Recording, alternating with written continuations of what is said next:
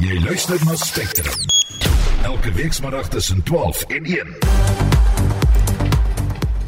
In die program meer as 1000 mense is reeds dood in die aanval deur die militante groep Hamas in Israel en die Gaza-strook. Ons hou jou op hoogte van die jongste dae. Ons vra hoe mans betrokke moet raak in 'n veldtog teen geweld teen vroue op ons verhoog by die Woordfees. Ons saai regstreeks uit van die plataan agter die ES Museum kom kuier saam met ons hier en hierdie uitsending word moontlik gemaak deur die ES Toyota Woordfees sonder redaksionele inmenging. Die span hier is redakteur Marlenae Forsie, die produksiespan Kilian Abrams, Garnet Nkinikwa en Lance Andrews. En Johannesburg hou Hendrik Martin en produksieregisseur Daitron Godfrey Fort.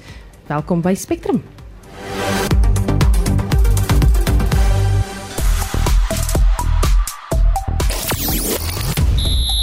Bond om sy fiksheid te bewys terwyl die Bokke top oor die senter Lucanio Amsa insluiting vir die Wêreldbeker kwartfinale. En Seeland het 'n kans om 'n 2-2 te maak by die Cricket Wêreldbeker. Hulle staan tans op 117 vir die verlies van een paadjie. Dis na 22 balbeurte en dit in al kragmeting teen Nederland. Net na 12:30 is ek reg met al die besonderhede. Jy luister na Spectrum. Elke weekmiddag tussen 12 en 1. Nou ja, welkom by Spectrum. My naam is Susan Paxton. As jy gewoel in die agtergrond hoor, miskien 'n paar Adidas, ek het gehoor hulle vlieg hier oor. Ons is regstreeks uit vanaf die Toyota ES Woordfees in Stellenbosch. Die wind het darm effens gaan lê gisteraand in kommentaar het ons behoorlik les op gesê. So as jy in die omgewing is, kom maak 'n draai by ons verhoog hier by die plataan soos almal anders wat hier so sit. Welkom almal wat hier sit. En uh, dit is agter die Stellenbosch Universiteit Museum in Reineveldstraat. Jy kan ons nie mis nie. Dis 'n pragtige geel RSG kol wat jy hier in kom kuier. Nou kom ons begin uh, by die nuus. Meer as 1000 mense is reeds dood in 'n aanval deur die militante groep Hamas in Israel en die Gaza-strook Saterdag. Die Israeliese weermag sê hy beskou die aanvalle as soortgelyk aan die 9-1-1 aanvalle op Amerika en Essie de Klerk hou die verwikkelinge vir ons dop. Essie, die aanvalle duur steeds voort. Ja, Susan, Israel veg steeds verwoed voort teen aanvalle in 7 tot 8 plekke in die land en meer as 700 mense is in Israel dood, insluitend 260 mense wat by 'n musiekfees was en meer as 400 mense is in die Gaza-strook dood. Die Israeliese regering sê meer as 100 mense is ontvoer en daar word vermoed dat hulle na die Gaza-strook geneem is. Israel sê die meeste van die toegangsroetes vanaf Gaza na Israel is gesluit weens militêre voertuie wat ontplooi is, maar die weermag sê hy kan nie ontken dat soldate steeds vanaf Gaza na Israel beweeg nie. Nou die Israeliese lugmag het aangedui verskeie militêre teikens in die Gaza-strook is getref. En die Israeliese weermag het gisterand met vegvliegtuie, helikopters en swaar artillerie op meer as 500 militêre teikens losgebrand. Sewe Hamas-basisse en Islamitiese Jihad-basisse is ook getref. Die woordvoerder van die humanitêre organisasie Amnesty International in Suid-Afrika, Genevieve Quintal, sê dit is belangrik dat al die partye nou aan internasionale humanitêre wetgewing moet voldoen om verdere bloedvergieting te voorkom. Under international humanitarian law, all sides in a conflict have a clear obligation to protect the lives of civilians caught up in the hostilities. Deliberately targeting civilians, carrying out disproportionate attacks and indiscriminate attacks which kill or injure civilians are war crimes. Israel has a horrific track record of committing war crimes with impunity in previous wars on Gaza. Palestinian armed groups on Gaza must refrain from targeting civilians and using indiscriminate weapons as they have done in the past and most intensely in this event. These acts amount to war crimes. The abduction of civilians and hostage taking are prohibited by international law and can constitute war crimes as well. All civilians held hostage must be released immediately, unconditionally, and unharmed. All those held captive must be treated humanely in accordance with international law and granted medical treatment. En dit was die woordvoerder van Amnesty Internasionaal in Suid-Afrika, Genevieve Quintal. Nou Mike Burnett, die analitiese strateeg van die sendingkonsultasieorganisasie Dialogos wat in die Midde-Ooste werksaam is, sê die aanvalle is aanduidend van 'n oorlog wat in Israel aan die ontwikkel is, maar op meer as een vlak. Eerstens sien ons 'n asimetriese oorlog waar daar 'n militêre magte het en militêre personeel het en dan is daar 'n kleiner groep wat daarmee in konflik kom. Die kleiner groep het nie noodwendig die militêre wapens of die militêre personeel nie. En 'n asimetriese oorlog ontwikkel outomaties in 'n terreuroorlog. Dan vind jy dat hierdie kleiner magte hulle self moet wend tot terreuraksies en dit is wat ons Saterdag gesien het. Hierdie terreuroorlog skakel dan outomaties oor in 'n proxy die oorlog. Met ander woorde nou begin streeksmagte hulle byvoeg by Hamas wat dan ontwikkel in 'n groter oorlog soos wat ons in Sirië gesien het. Hierby voeg ons 'n oorlog van narratiewe en ewe skielik ontwikkel hierdie oorlog in iets wat dit nooit regtig oorspronklik was nie. En dit was Mike Bernard, die analitiese strateeg van die sendingkonsultasieorganisasie Dialogos. Ons hou verwikkelinge van hierdie storie deurentyd dop. Baie dankie. Dit was Essie de Klerk wat vir ons 'n oorsig gegee het oor die jongste oor die aanvalle in Israel. Ons bly by die storie en praat nou met 'n senior opleidingskoördineerder van die INAC program by die Instituut vir Sekuriteitsstudies, Willem Els. Goeiemôre Willem. Goeiemôre Susan. Wie is Hamas en wat is die verbintenis tussen Hamas en Hezbollah wat deur Iran ondersteun word? Ja, jong, ons sien dat uh, Hamas is 'n uh, 'n uh, 'n uh, meer militante groepering uh van die twee groot groepe wat binne in die in in in in die strook daarso in die Gaza strook opereer.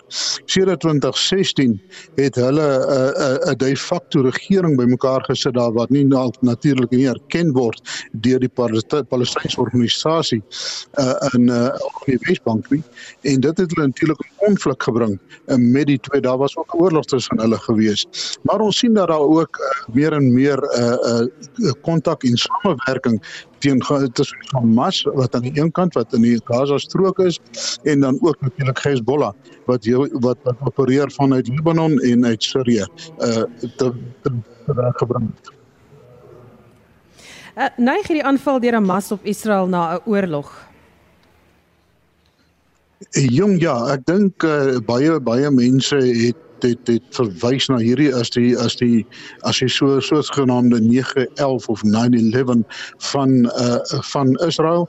Ons sien dat daar baie oor e parallelle is wat getrek kan word. Ons sien ook dat miskien is die Rubicon oorgesteek in hierdie in hierdie geval en word Israel nou genoodsaak om uh op te tree en natuurlik baie uh die, uh, baie hard op te tree wat jou probleem is in 'n geval soos die soos wat 'n vorige kommentator ook genoem het is dat uh, daar is altyd nou natuurlik jou publiek wat tussenin is. In die tipe oorlogvoering word die publiek baie keer gebruik as natuurlik as skerms om om om om, om teen aanvalle te te te te te, te af te weer en natuurlik gebeur dit ook sodat daar daar natuurlik baie van die kinders en vrouens in die kruisvuur natuurlik aan albei kante uh, gaan kom. So ons voorsien dat hier 'n geweldige eskalasie is en dat dit nie sal ophou uh, voordat uh, daar natuurlik van buitekant af ingetree gaan word met internasionale bemiddeling wat natuurlik albei kante 'n soort van gelukkig sal maak sal maak nie.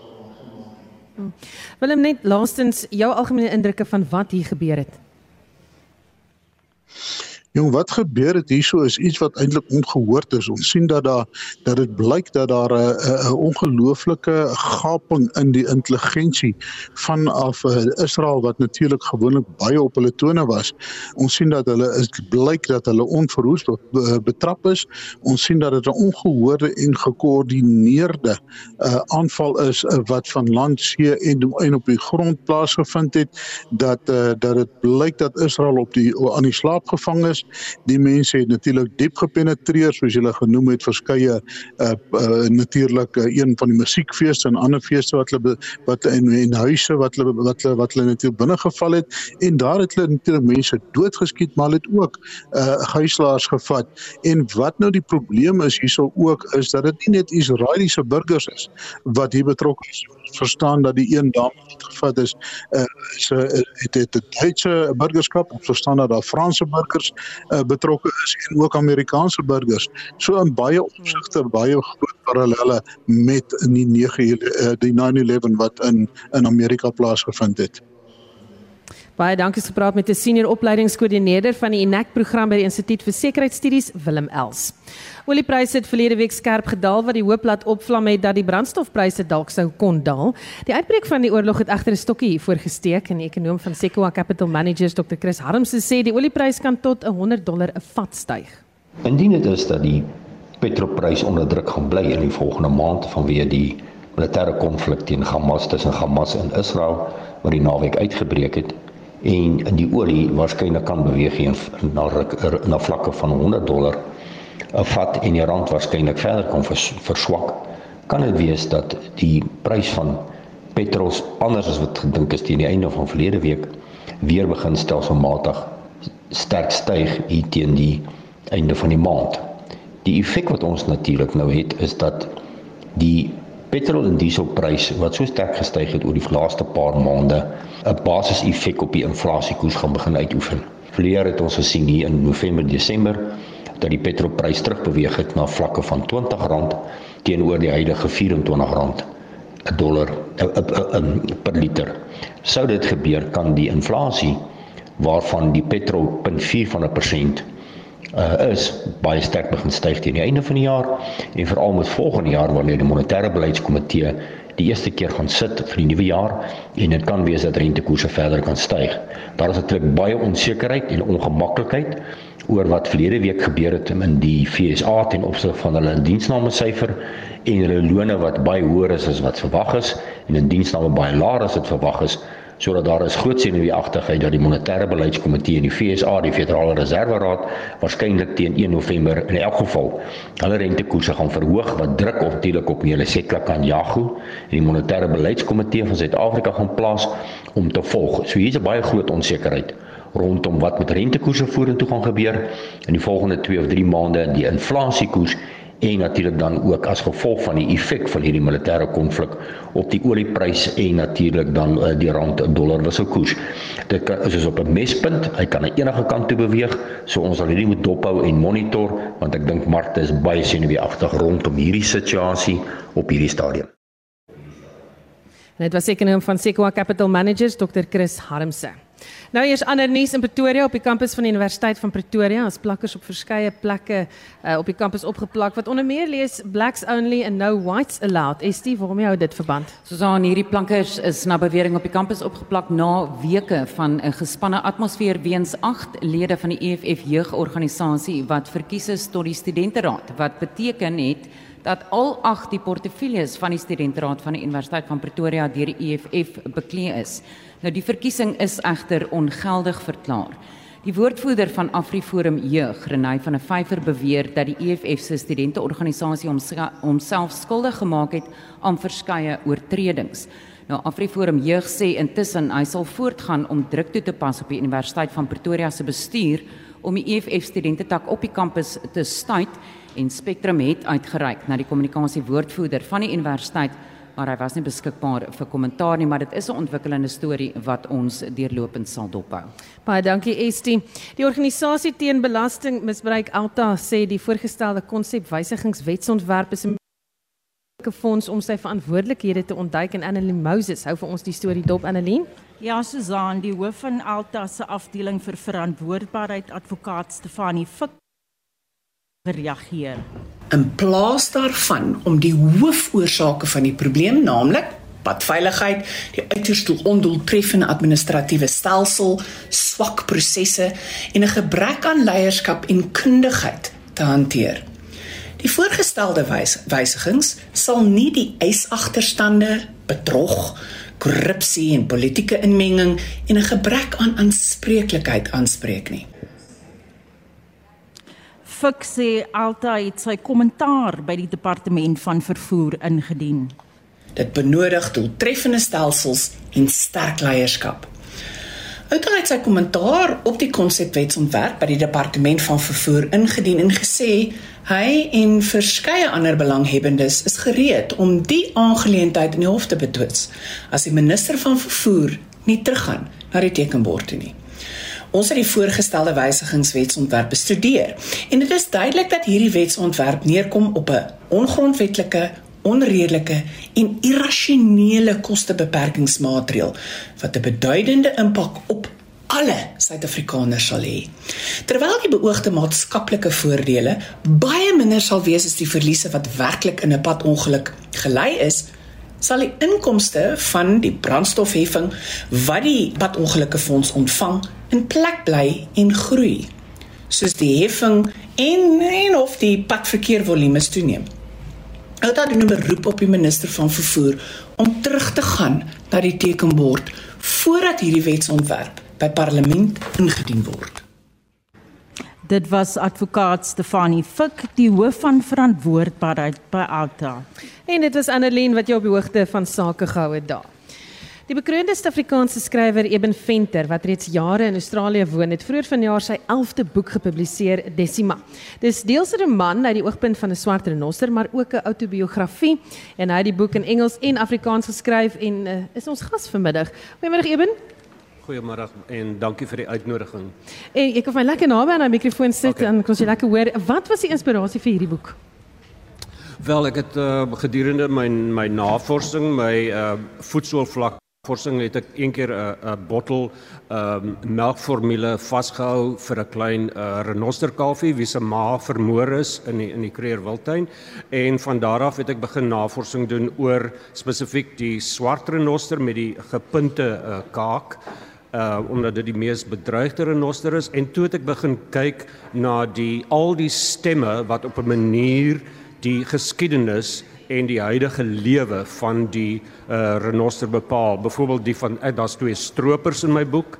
Uh daar is ehm um, Chinese medisyne manne van Hong Kong wat nog steeds glo dat die renosterhoring uh, medisinale eienskappe het. Ek het ook my eie uh, stem in die boek ingesluit. Ek het die van my moeder ingesluit en dan belangrikste van alles uh Decima die swart renostermoeder. Ek het haar self laat praat sodat groot dele van die boek is vanuit die uh perspektief van die renoster. Uh, jy sê hierdie boek self in Engels en in Afrikaans geskryf. In watter taal het jy die eerste geskryf? Hoe het hierdie proses gewerk? Ehm um, hierdie was my eerste boek wat ek eers in Engels geskryf het met die uh, pink uh, omslag en toe die boek heeltemal klaar was, afgewerk, al die ehm um, die flaws, die uh, vlekke en tierlantuintjies weggesteek is, het ek die boek uh soos wat hulle sê in in in terme van uh self translation, I brought the book home. Toe het ek hom in Afrikaans of haar, dis def het ek die boek in Afrikaans vertaal en dit was my lekker. Ek daar was 'n speelsheid en ek kon ehm um, gebruik maak van liedjies en idiomaatiese uitdrukkings en al die bossie name van die Karoo. So ek het al daai goed ehm um, ingesluit in die Afrikaanse uh herskepping van die storie en die boek het ook effens langer geword. Tot watter mate was dit 'n outobiografie? Ehm um, so hierdie boek is 'n vermenging van genres en groot een van die stemme is is is my eie my eie en die van my moeder. Ek het dit nie probeer verbloem nie. En uh in daai in daai opsig is die boek uh ook autobiografies, maar daar's sommige stukke byvoorbeeld waar ek skryf oor uh ko koning Leopold van van België en ehm um, sy mega slagting van uh groot diere in in wat wat vandag bestaan as Kenia. Daai dele is byna uh nie fiksie, dis dis volkome gebaseer op uh diep navorsing. Net jou ervaring met die renoster toe jy die melk gee vir hierdie renoster. Hoe skemer dit deur in hierdie boek? Ehm um, ja, ek skryf ook vanuit die perspektief van van Decima toe sy 'n kalfie was en en en uh ek maak gebruik van gebruik van time travelling en hoe sy kon onthou hoe dit gebeur het daardie volmaannag want dit is die nag wanneer uh, renosters aangeval word gedurende volmaan. Hulle is dan op hulle mees weerlose en sy die klein kalfie beskryf dan vanuit haar perspektief hoe hierdie aanval op hulle gedoen is. Baie dankie dat jy uh, ingekom het ons vertel daarvan.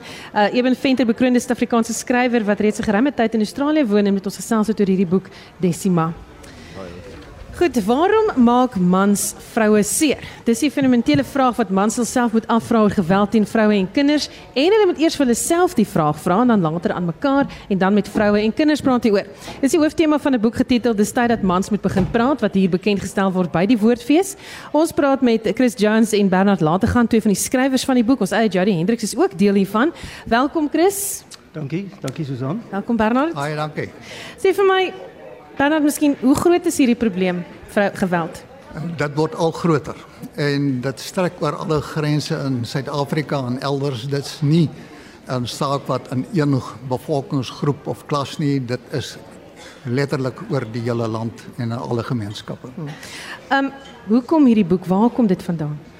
Ja, ek dink om aan te sluit by Bernard, die probleem is baie groot. Uh Susan, ek het net vanoggend weer gekyk, jy weet hulle sê dat ehm um, uh in Suid-Afrika word daar 5 keer meer vroue deur hulle intieme maat doodgemaak as die gemiddeld wêreldwyd. Ons weet daar word elke 3 uur 'n vrou verkragt en so sou 'n mens kon aangaan om aan te dui hoe ernstig die probleem is. So wat ons wou bereik het is om te sê ehm um, veral die boek is eintlik 'n uitvloeisel uit 'n verklaring wat wat ons opgestel het en die naam van die verklaring is hitsmerk uh, oproep aan alle mans in Suid-Afrika en en wat ons eintlik wil doen is om mans aan die praat te kry. Jy weet, ehm um, van die meeste geweld wat teen vroue gepleeg word, word deur mans gepleeg.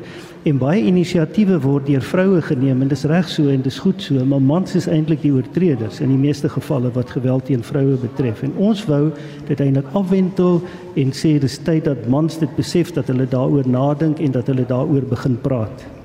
Bernard, jy die beweging begin. Uh, sê vir my, weet julle al waar mans vroue seermaak? En daar's 'n verskeidenheid van redes en dit is nie iets wat 'n mens aan 'n eenvoudige oplossing voor kan kry nie. Maar ek dink die ons beginpunt was dit is die blinde kop dat mans nie hieroor praat nie en nie hieroor besin nie. So hoewel die praat prominent is, is dit eintlik 'n stapie terug wat ons moet gaan en dit beteken mans moet eers stil bly en nadink. So die oproep is 'n oproep tot introspeksie om te vra hoe dink ek regtig oor vroue? Wat sien ek aan en wat is my optrede? So dit begin eintlik by 'n selfondersoek voordat ons begin raad gee en oplossings. Uh, nou daardie gesprek is baie moeilik want mans is nie gerad daarvoor nie. En mans is nie gewoond om dit te doen nie. En daar's allerlei druk op mans van al alle kante, maar voordat ons nie daai eerste stilstand het en ons, ook dat mans nie te gou raad aan vroue moet gee nie. Dit is nou eers om oor jouself te dink vra wat is my rol en my aandeel hier. Hmm. Dit is waar die fokuspunt lê. Chris, gee hierdie boek se inhoud vir ons daardie antwoorde. Uh, ek ek dink beslis so uh, Susan ehm um, uh, Susan uh, as ek um, net kan sê ons het vinnig hierdie hierdie hierdie boek gaan dalk ons het 'n kort um, inleidende gedeelte wat um, dan deur Bernard uh, geskryf word en waarin hy sê dit dat dit nodig is en dat dit tyd ons moet begin praat. En ek dink die belangrike punt wat hy nou net aangeroer het wat hy ook hierin duidelik maak is dat geweld in alle vlakke van die samelewing voorkom. Jy weet daar is nie in, net in sekere gemeenskappe nie, selfs die meer bevoorregte uh kringe, dit kom selfs daarin voor. So dit is 'n die amper die lens waardeur 'n mens na die boek moet kyk. En dan ehm um, is die tweede deel van die boek is is eintlik 'n baie interessante deel en ek kan ook net sê dat dit is baie toeganklik geskryf. Jy weet, dit is nie akademiese betoog nie. Dit is dis dis dit lees regtig uh, baie lekker. En die tweede deel gaan oor persoonlike ervaring. ons nou met die rugby wêreldbeker besig is, is ook 'n verhaal van Sia Kolisi uh in in in die boek en dan uh sal jy nou baie goed onthou van die moord op Ingelots um ongeveer 18 jaar terug. Haar pa Jan skryf ook hieroor en dis die eerste keer in 18 jaar wat hy werklik skryf hieroor, 'n um, aangrypende verhaal. So daar's in die tweede deel hierdie sterk persoonlike uh verhale wat wat wat deurkom. Chris, baie dankie dat jy was, Bernard. Ek waardeer julle tyd. En hierdie boek word môre bekend gestel, so wees hier by die boektent as jy belangstel en graag wil hoor presies wat daar aangaan en 'n bietjie langer gesels. Die skrywers van die boek, dis tyd dat mans moet begin praat, Chris Jones en Bernard later gaan. Dankie vir julle tyd. Goed, die probleme waarteen Suid-Afrikaners daagliks staan kom maak 'n ou bekende diep bekommerd en dis niemand anders nie as liewe Heksie. Hallo Heksie. Hi, oh, ek het gaan dog jy gaan nooit met my praat nie en ek voel bietjie soos 'n dentjie met hierdie foonore. Kan iemand net vir 'n bietjie musiek bring laat sy dit bietjie speel hierso. Heksie, waar is jy bekommerd? Waaroor is ek is net nou bekommerd dat ek moet praat met jou, maar verder is ek niks bekommerd nou op die oomblik nie. Kyk, ek gaan nie vir jou vasvra nie, ek probeer nie. probeer jy nie? Ek is bly want my kop raak baie keer de mekaar vir alles jy groot woorde gaan gebruik. Hoe gaan dit in Blommeland? Beter as in Suid-Afrika? Blommeland gaan baie lekker, die blomme blom. en dit is altyd goed as die blomme blom. Want anders eh, as die blomme nie blom nie, dan raak ons gifappeland. Gifappeland lyk vir my baie keer asof dit hier is, maar daar's baie gifappels in julle land. Maar gelukkig in Blommeland jaag ek hulle weg met my besem. Met jou besem. Ja. Ek dink vir iemand 'n besem kry dat ons dit ook kan doen. Uh, klimaatsverandering nog nie daar uitgekom nie. Nee, ons is baie gelukkig het reën wanneer dit reën, uh, sonskyn wanneer dit moet sonskyn. Nie soos hier in die Kaap waar dit nog steeds winter is nie. En jy sê by die woordfees, wat maak jy hier? O, oh, ek vang vis. Ja, ek is in liewe aksie vang vis. Ek het al twee visse gevang. Die een is 'n skoenvis. Ek noem hom 'n skoenvis want hy lyk soos 'n skoen. Ek weet Karel beklei met my. Hy sê dis 'n skoen, maar hy's verkeerd. Dis 'n skoenvis. Want jy kan sien hy gaap so het seker tandjies daar voor in sy mond. Hy's baie vaak. Mens kry baie vaak visse. So hy is bietjie vaak, maar dan gooi ek hom terug in die water dan dan sy minder vaak. Hy gaap dit in 'n kant so. Blomme het my gesê, dis hoekom mens fluister wanneer die visse slaap. Jy gaan hom nie braai nie, jy gooi, jy gooi hom terug. Ek gooi hom terug, die skoenvis. Ja. Ander vis wat jy gevang het? Die skoenvis en die sokvis. Die sokvis. Ja, die kinders het nou vir my probeer vertel dis net 'n sokkie, maar hulle is verkeerd. Hulle weet niks. So is daar 'n klomp kinders wat kom kyk en hoe belangrik is dit dat kinders moet kom kyk? Ja, dis baie lekker. Daar's klomp kabouters en daar's groot kabouters ook en daar's ouma kabouters en oupa kabouters. En almal het saam gedans en gesing. Moet saamkom en hulle neem deel. Daai kinders is slim hoor. Hulle het my nou so gehelp. Die een het selfs vir die persheks geflous van die persheks het alself gekamoufleer. Toe kon ek hom nie vind nie, maar te vind die kind daar. En die kind was nie bang nie, die kind was 5 jaar oud, Emma. Emma is my hero. Jy lyk nou of jy 'n DJ speel as Johan Ja, want anders te gaan hy afglip en dan gaan my hoed en dan suk nie meer Lavinia nie. Die wat wil sien hoe sy lyk kan gerus gaan kyk op ons Facebook bladsy Lavinia Hex is daar op die uh, Facebook bladsy van RSG. Gaan loer gege daar. Ehm um, en net so laasens jy jy gaan nog visse vang hier by Ja ja, ek gaan nog visse vang. Want ons baie visse om te vang. Jy moet kom saamvang. Susanna het 'n plekkie vir jou altyd. En en koning Rosebaard is bietjie bekommerd want hulle steel sy um ek weet nie die visse se naam is Vrotvalle of iets bietjie bekommerd. So jy kan hom kom help en koningin baie is nie op die oomblik daar nie. So hy sal hou van gesels. Dan kan jy kom kuier. Maar wat ek wou sê is ja, Vrydag vang ek nog vis hier en Saterdag vang ek nog vis hier. Hele land deur want mense kan oral 'n ou visie vang. Ja, sê dit was die stem van Liewe Heksie wat hier by die woordfees visvang. Ek gaan kyk of ek vir koning Rosebaard kan gaan help. Ek is nie seker hoe nie, maar hy sal al van nou. en hy word gespeel deur Margit Meyer Rodenbeck en sy is 'n veelsidige kunstenaar, maar ook vreeslik belangrik dat sy ons na die kinders ook kyk by die kunste. Baie dankie dat jy hier was en uh, dat vir Liewe Heksie gebring het. As lekker goodbye. Spectrum, jou middagnuusprogram op RSG. Laat in die program die Universiteit Stellenbosch se visuele kunste gebou is die duisendste gebou wat deur die Raad vir Groen Geboue gesertifiseer word, selfs al is dit 'n 100 jaar oud. En ons praat oor 'n ten volle elektriese bakkie wat hier in Suid-Afrika gebou en ontwikkel is, bly ingeskakel. En Udo Karls sit nou hier langs my gereed met die jongste sportnuus. Udo, Middag Susan. voor ons dit doen, gaan jy die werksie kyk vir die wat die pers Flerry Hacks. Praat ons nog steeds van visvang. Ja. Geval, die Springbokke is nog een van agt spanne wat oorbly in die rugby wêreldbeker, maar die Bokke en hulle volgende teenstanders Frankryk het groot saak om te oorweeg. Ja, absoluut. Kom ons begin eers met die belangrike nuus vir die uh, luisteraars. Saterdag aan 5 uur speel Wallis teen Argentinië, 9 uur die aand kan ons 'n titaniese stryd wag uh, verwag tussen Ierland en Nieu-Seeland. Sondag 5 uur is uh, dit Engeland teen Fiji en die heel laaste kwartfinalestryd dan 9 uur Sondag is ons Bokke teen Frankryk. Nou, twee oorwegings. Die Franse wag nou om uh, te sien of kaptein Antoine Dupont wel as fiks verklaar sal word. Uh dit nou nadat hy herstel het van 'n ernstige wangbesering. Ek het gaan kers opsteek by die ou boksstad Janie Du Plessis om te hoor net watter impak Dupont kan maak indien hy wel speel.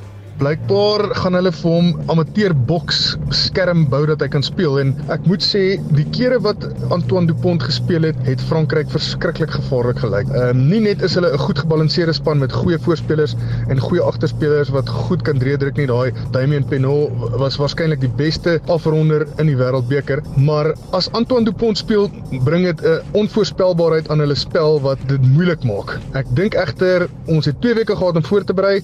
Ek dink Suid-Afrika het 'n plan met wie ook al speel en natuurlik natuurlik um, is ek uh, nie objektief nie, maar ek dink die Springbokke gaan wen.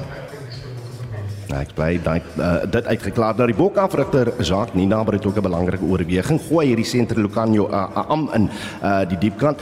Uh, die afrigter van ons agterlyn uh, spelers um, Mzwandile Stick sê dit sal bietjie onregverdig wees uh, vir die spelers en uh, vir die spelers self as hy nou direk as beseringsplaasvervanger inkom en uh, onmiddellik in die 15-tal gaan wees. So hoogs waarskynlik dat dit nie gaan gebeur nie. Nou nou die groot bekommernis ek dink vir Suid-Afrika, ek moet dit byvoeg, Frankryk beskik oor oormate wat uh, ek in die Ierland span sien en dis die vermoë om die lyn van aanval vinnig en uh, binne 'n paar meter te wissel wat dinge baie moeilik kan maak vir enige verdediging. So kom ons kyk maar hoe werk dit uit hierdie naweek. Die Proteas het 'n baie goeie begin gehad in die Cricket Wêreldbeker Saterdag met 'n 108 lopie oorwinning teen Sri Lanka. Dit was mooi om te sien. Wat by die toernooi vandag aan? Nou kom ons sluit daarmee af. Ek weet tyd bietjie teen ons want uh, cricket uh, vandag natuurlik by die Wêreldbeker is dit in Seeland wat die Nederland speel. Die Lotus deur uh, die, die Nederlanders gewen vanoggend. Hulle besluit hulle bal eerste. Nie die beste keuse nie want uh, tot dusver net twee paadjies plat getrek en die Seeland nou 155 vir die verlies van twee paadjies en is in die 29ste balbeurt. Manne wat daar lopies aangeteken het, Wal Young wat uit is vir 70 van 80 balle en uh, Rachin Ravindra is nou weer op dreef vir 'n goeie telling. Hy staan op 38 nie uit nie van 41 balle. Baie dankie. Dit was kollega Udo Karelse. Spectrum, jou middagnuusprogram op RSG. So wat is 'n fees sonder musiek? Die eerste kunstenaars wat kom musiek maak op ons verhoog by die Woordfees is die Kaapse Volkpopduo Raaf. Estie Lourens, welkom op die verhoog. Goeiedag en dankie. Dit is van so voorreg om by die fees te wees julle. Ons sê mos dit raak soos 'n drukkoker van al die kunste bymekaar en almal wat kom deel daarin. Ja nee, kyk, dit is en dit is besig en almal kan hoor dit so, gons hier om ons. Julle het voorheen bekend gestaan as Bottomless Coffee Band. Nou vier julle 1 jaar van Raaf. Hoe gaan dit met hierdie nuwe hoofstuk van julle? Dit was 'n absolute avontuur hier gewees en ons het dit verlede jaar hierso lewendig op RSG aangekondig en uh, ja, dit was 'n rollercoaster jaar. Ek dink is um baie lekker om kreatiwiteit in te bring en dit te verfris en om sulke groot veranderinge aan te aan te te, aan te, te pak. Wat gaan julle vir ons sing? Ons het gedink is gepas om hier onder die eikebome en tussen hierdie mure waar die Plataan kafee is, so 'n bietjie rustig te raak. Die sang se naam is Ek speel met vuur vir jou. En eintlik met alles wat aangaan in die wêreld op hierdie stadium is dit vir ons so mooi om te dink as jy alles vir iets of iemand wil gee dan sal jy bereid wees om met vuur te speel.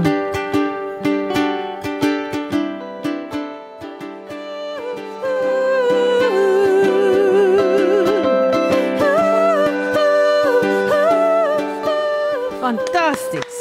Sulke klein gitaartjies, sulke mooi klanke maak nee, julle oulik. Baie dankie Essie en Lourens van Raaf wat met hom vir ons kom sing het eerste groep hier op die verhoog by die Woordfees. Dankie julle. Dankie vir julle tyd. Totsiens. Asai.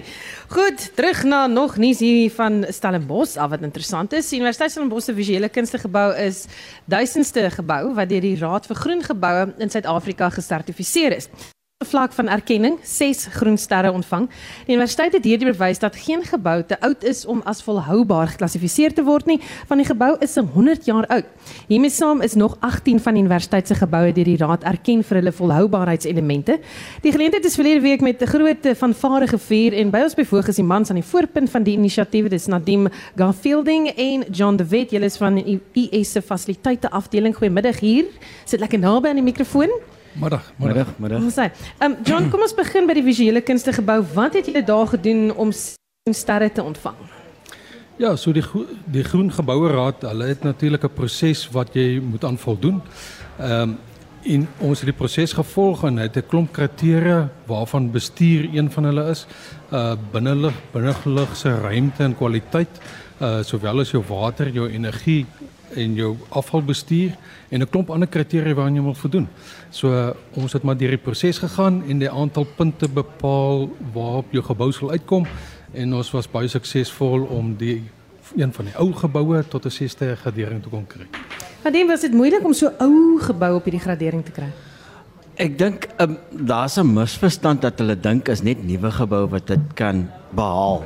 Maar met die ou geboue en die ou tegnologie met dik mure en hierdie stoepe en jy, as jy nou onthou jou ouma se huis het altyd maar 'n stoep gehad en eet venster laat hy nie bak in die dag nie so daai ou denke kan jy in as jy reg toepas in 'n ou gebou, kan jy dis dit bereik. Maar dit dit dis ook die gebruik van die gebou en die mense in die gebou, hoe jy die gebou gebruik wat lei tot die ehm um, dit is 6 ster gradering. Jy het 18 ander geboue John wat ook by die raad gesertifiseer is in 'n net op wat is van julle inisiatiewe? So baie van die van wat ons moes implementeer is ons moes elektroniese meters insit om die geboue se data te kon meet in die vorm van water, elektrisiteit en die afval wat jy genereer.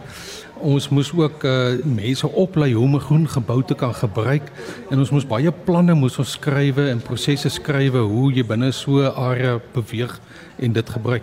Ehm um, so dit was 'n aanpassing vir ons, maar 'n lekker uitdaging geweest. Hoe om so 'n gebou te gebruik? Ja, byvoorbeeld as jy nou byvoorbeeld as jy uit 'n gebou uit sou gaan, laat jy ten minste jou lig afsit, laat die lig nie heeltyd brand nie.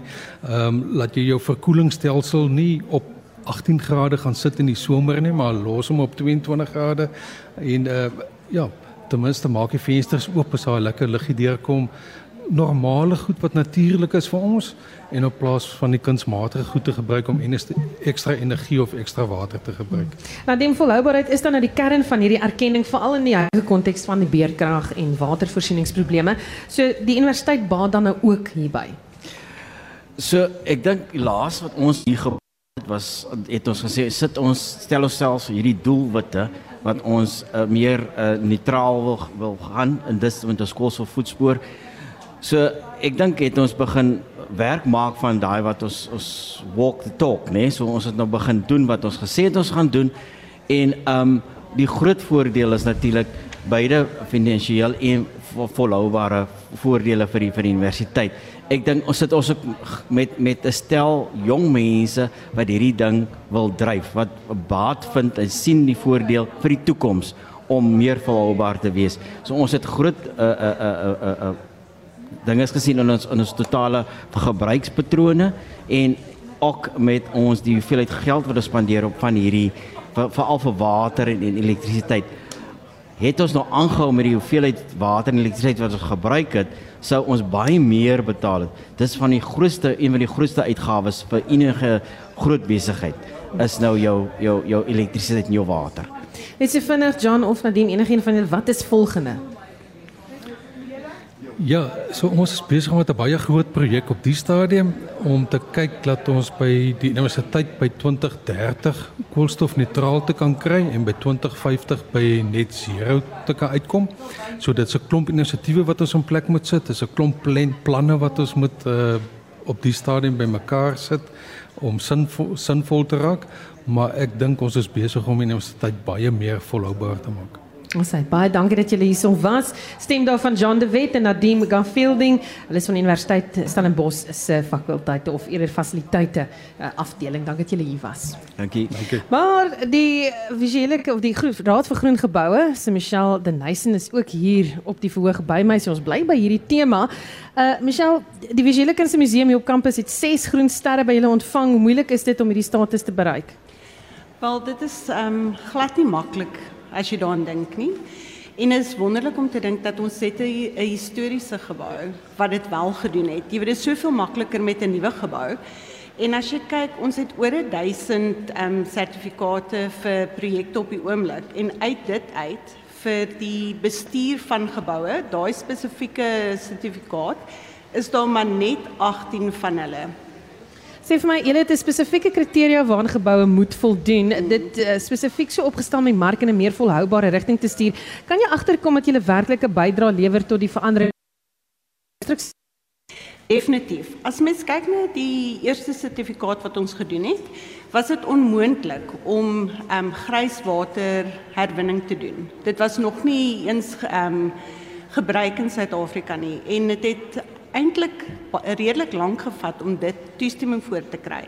Of byvoorbeeld die verf om seker te maak dat jy lou VOC verf het. So daai was goed wat die industrie toe ehm um, gevat het en gesê het kyk ons het dit nodig. En en daar's soos heelwat waarna mense kan kyk oor die manier waarop die mense nou bou, hoe ons meer kyk na wat is die ramps ehm um, jy weet status uh, wat kan jou beïnvloed en so dit het definitief ehm um, die hele industrie verander. Hmm. Julle stel binnekort 'n nuwe stel kriteria bekend om volhoubare projekte te er-, erken. Een van die kategorieë draai om veerkragtigheid. Dis nou projekte word beloon as hulle kan bewys hulle kan voortgaan met daaglikse aktiwiteite, selfs al is daar krag en wateronderbrekings. Kan jy 'n paar voorbeelde gee van hoe dit lyk in praktyk? So die veerkragtigheid um, kategorie het um, kyk na klimaatsverandering. So wat se klimaatsimpak is daar? So jy sal kyk na die area waarin jy bou. Dis definitief gekoppel aan waar jy bou en wat is dit? Is dit nou die see wat hoër word? Is daar meer vloede? Is dit droogte?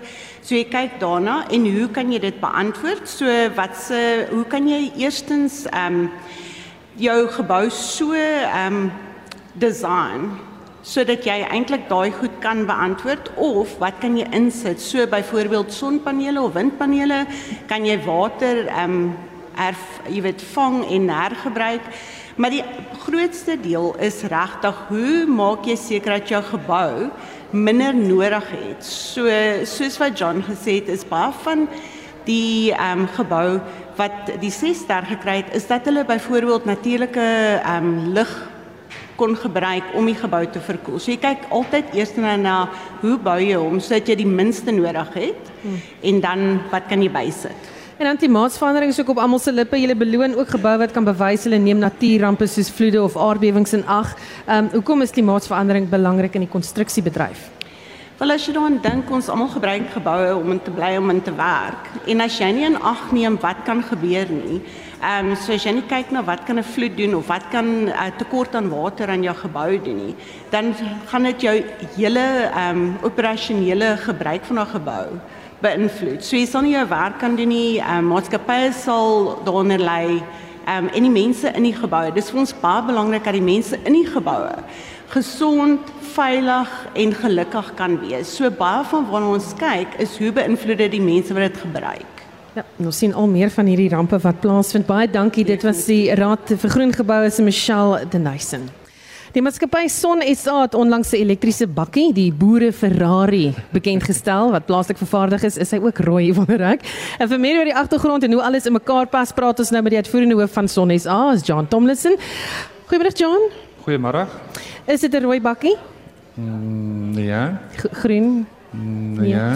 Goed, vertel ons eers wat is die inspirasie vir die vervaardiging van die bakkie?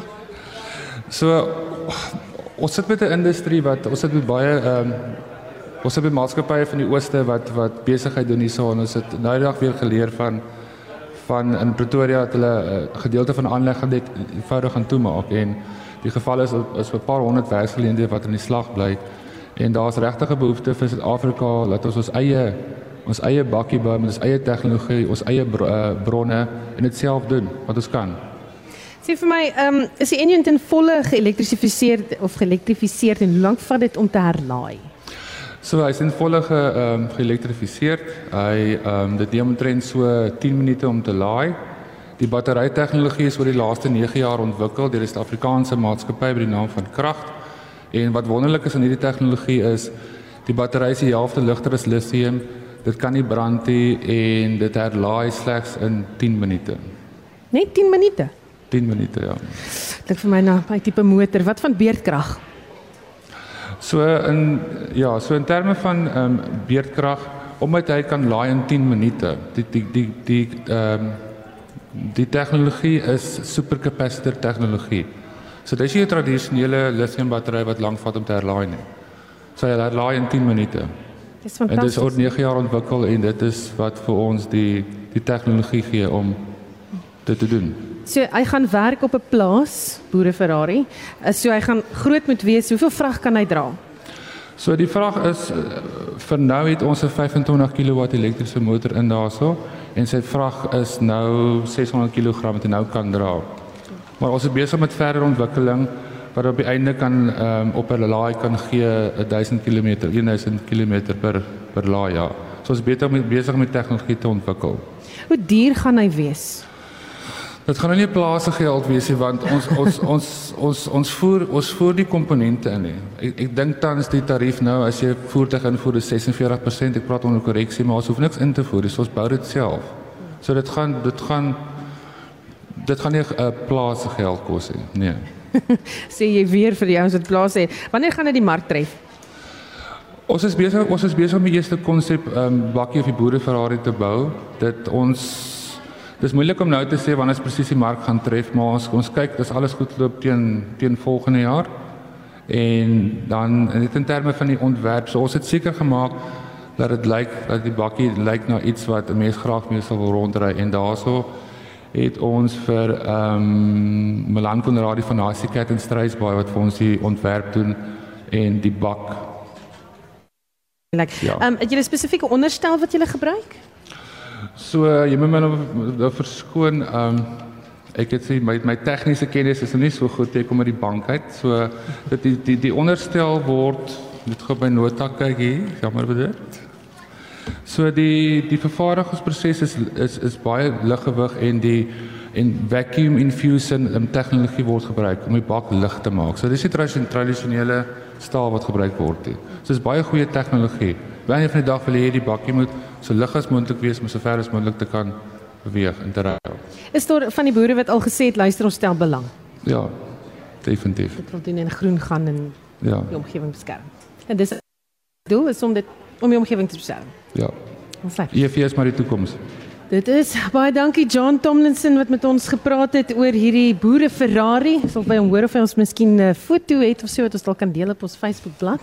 En as jy gewonder het wat alles hierso aangaan by die fees, dan kan jy ook gerus draai gemaak op die RSG Facebook bladsy. Ons het daar foto's, ons het video's, daar is Facebook Lives. Een van hulle is tussen 7 en 8 elke oggend. Ons praat oor verskillende temas. Môreoggend praat ons oor die Bela wetgewing. Gaan natuurlik oor die onderwys en uh, dit word nie uitgesaai direk op RSG nie, maar hier en dan op die RSG Facebook bladsy en dan kan jy saam deelneem, jy kan gesels, jy kan praat en jy kan sê luister, ek wil hierdie vraag vra aan die kenners, so jy is welkom om dan ook saam te gesels oor al die dinge. Intussen het ons ook vir eh, Monitor môreoggend gaan baie interessant wees om te hoor wat hulle alles doen en wie se hulle gaste. So moet skakel intussen 6 en 7 en dan na dan skakel jy oor na die RSG Facebook bladsy toe en dan kyk jy hoe ons hier uitsaai en jy gesels saam met ons. Hier by die Woordfees groet ons namens ons uitvoerende regisseur Nicoline de Wee, ons redakteur vandag Marlenae Forsie en ons produksiespan is Kilian Abrams, Garnet Nkwinika, Lance Andrews en Rajiv Anachand. Die span in Johannesburg is Jomery Verhoef en ons produksieregisseur uh, daar is Daiter en Godfrey. Ek sien Hendrik Martin is ook daar uh, aan die stoel. En my naam is Susan Paxton. Ek is dan nou môre terug tussen 7 en 8 weer op hierdie verhoog. Ons praat oor die Bela wetgewing onderwys, hoe dit jou gaan beïnvloed. Jy kan die gesprek op die RSG Facebook bladsy volg.